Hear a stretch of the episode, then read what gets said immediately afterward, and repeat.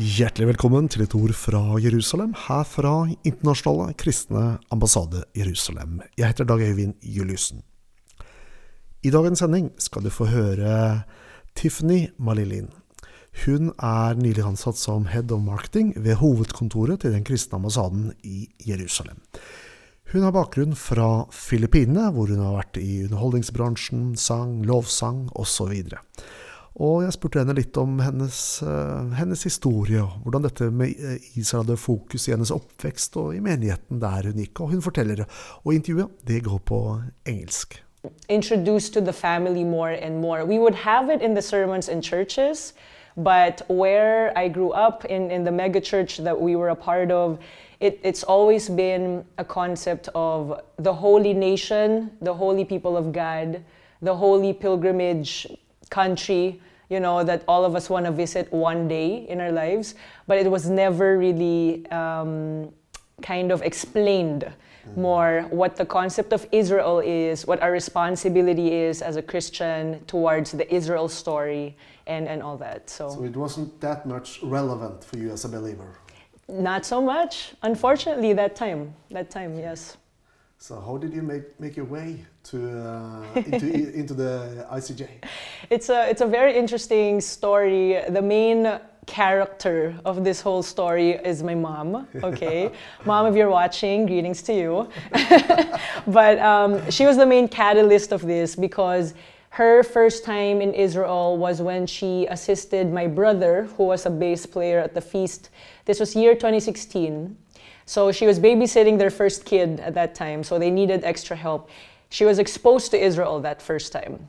The year after 2017, she applied for me to be a volunteer at the feast without me knowing. and so I received an email from ICEJ at one point saying, "Thank you for, you know, applying. We've received you as a volunteer. Here are your dates of when you can come." I was so surprised because I never applied. I never went to the website, etc. And then, um, lo and behold, my mom comes to me and, and tells me, I actually was the one who applied for you, and you are going whether you like it or not. Okay? this is my responsibility as your mom, and I just feel very um, strongly about you having to go to Israel this year.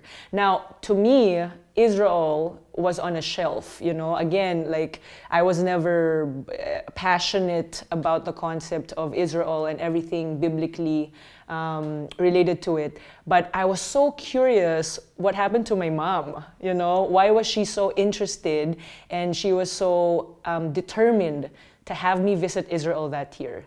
And so I went as an obedient Christian daughter, I went to Israel because of the will of my mom, and I was exposed to the work of the ICEJ at the Feast of Tabernacles. And um, I was sharing this with, with you and with, with uh, some of our colleagues too, that my first exposure to the Feast of Tabernacles, most especially the roll call of the nations in Pais Arena, I just saw a vision of Revelation 7, you know, where every tribe, tongue, uh, race, ethnicity was in one place in the Holy Land, worshiping the King of Kings, the Lord of Lords, Yeshua, you know, and, and that sort of like um, unlocked a passion in my heart to know more about Israel. Why is, why is it so unique to a Christian believer? And is there something I need to do and I need to play?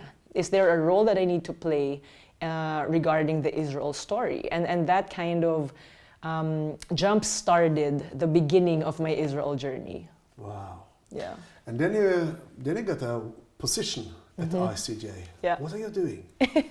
so I used, to, for the past three years, I, I moved to Israel to join the ICEJ as full-time staff volunteer as the head of events registration. And I just transitioned to a new role earlier this year, Doug, um, as head of marketing. I'm pretty much in charge of everything that's promoted, published online, um, making sure that the content that we put on all of the channels of ICEJ, whether that's online, offline, um, video, graphics, email, etc., it needs to be relevant information, truthful information, biblically sound, and interesting and appealing to our audiences. And so that's kind of like, in a nutshell, what I'm in charge of. You have some followers on Facebook. yes, friends. I call them friends more than followers. yeah, exactly. yeah. Several hundred thousands. Oh, for for the ICEJ page, yes, we're we're close to a million, and we're aiming to hit a million prayerfully in, in the next two quarters, maybe the end of the year to early next year. Yeah. So. How has your view on Israel changed? What, what is it today? Uh, speaking about Israel, how is that relevant for a believer, uh, for a young believer today in 2022? Wow, you know, I say this uh, as an opinion bearing my age and in the millennial era, right?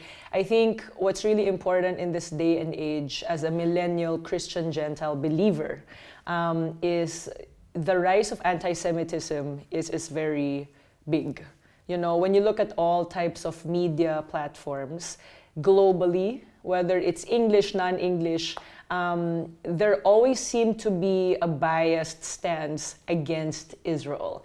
And I say this not because I'm with the ICEJ, but because I live in Israel and, and I see the news. So whenever there's conflict or there are headlines around the country that I live in, that I currently reside in now, um, and it's fake or it's not true or it's saying a different angle, I get worried because my family and friends back home get worried about me when I tell them that's actually not true. You know, mm. this is what the truth is.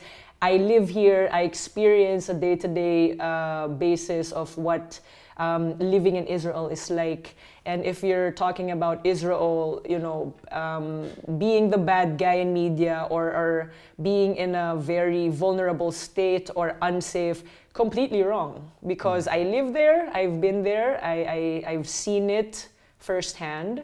And uh, I, I just think in general, yeah, with what we see online, uh, even offline, newspapers, all types of media formats, anti Semitism is high. And so if you're someone in the millennial era, right, in your 30s, even early 20s, you're talking about the young generation, Gen, Gen Z um, age group, we just consume all of these information without having to be critical thinkers. You know, we're, we're not questioning is the source of this information about the Middle East, about Israel, about its neighboring countries true?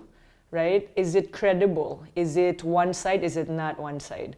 Um, and as a Christian, I bring I bring the Christian aspect to it because being in Israel for more than three years now with the ICEJ and having experienced the revelation of the Lord about Israel when I stepped there for the first time, we need to do something about it. We have a role in, in that sense.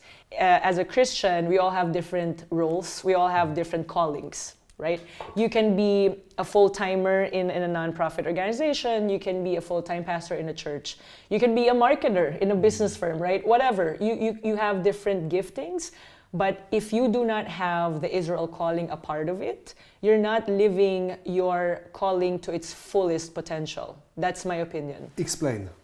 I say that because the Israel story is a very contributes very greatly to who we are as Christian believers today. You talk about the Hebraic roots. You talk about Yeshua and Jesus being a Jew, right? If you don't even know that to be true, then there's a lot of things that you need to know about your Messiah. And there's relevance around that truth and that concept because if you are not embracing the fact that Jesus, the Lord that you consider your Savior today, is Jewish and practices the different feasts and observes different things around the Jewish faith, right? Um, obviously, I talk about the biblical aspect of it. Then you're missing out on something. Um, we talk about the redemption of Israel, our role in, in provoking the Jewish people to jealousy, right? If you have been revealed the salvation story of mankind, essentially, our salvation came from, from the Jewish being, Jewish people being uh, having hardened hearts. Yeshua is our savior. Yeshua is our gateway. Yeshua is the atonement that mankind needed. But without the hardening of the hearts of the Jewish people, I think the Christian Gentile believers today won't even have a part, uh, a, crucial part of the salvation story. Mm. And so I say it's relevant to a Christian Gentile today to have Israel as part of their calling because God cares about Israel. Mm. God cares about Israeli people. And exactly. so and so if he cares about them, you have to care about them. True. Yeah. What what is the heart of the calling of ICEJ? In my words, in my own words, the ICEJ, the International Christian Embassy Jerusalem, we exist to be the hands and feet of the Christians around the world who want to bless Israel. Period. Now, how do we do that? We do that in different ways, forms, shapes, sizes, whether it's through different aid, whether it's being a friend to a local in the land that's encouraging to them. Um, I'm, I'm telling you, Doug, I have a couple of Jewish friends when they ask me why I do what I do when you can go back to the Philippines, living a comfortable life, earning so much, you know, why are you a volunteer in a nonprofit organization in Israel? Israel is not the easiest place to live in just because as we know, it's one of the most expensive and the culture is not, you know, you have to adjust to a lot of different things.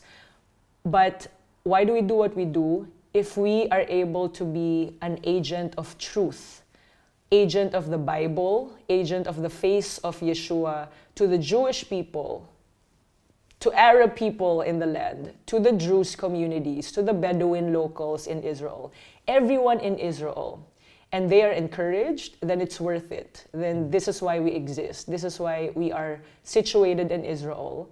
Um, embracing all the challenges because if it's only for one person who's encouraged by the love of Yeshua, we continue the work. Mm. Wow. Thank you so much, Tiffany. All blessings, and we'll see you soon again at the feast. Of course, tack, Doug. Uh, this was very fantastic. Ja, det var Tiffany Malilin du hørte her, som eh, jobber ved hovedkontoret til den kristne ambassaden i Jerusalem. Vi har fortsatt ledige plasser til løvehyttefesten i Jerusalem, men da må du forte deg. Gå inn på ikai.no og les mer om det. Du har lyttet til et ord fra Jerusalem, fra Internasjonale kristne ambassade Jerusalem. Jeg heter Dag Øyvind Juliussen, og jeg ønsker deg Guds rike velsignelse og omsorg. Takk for at du fulgte oss i dag.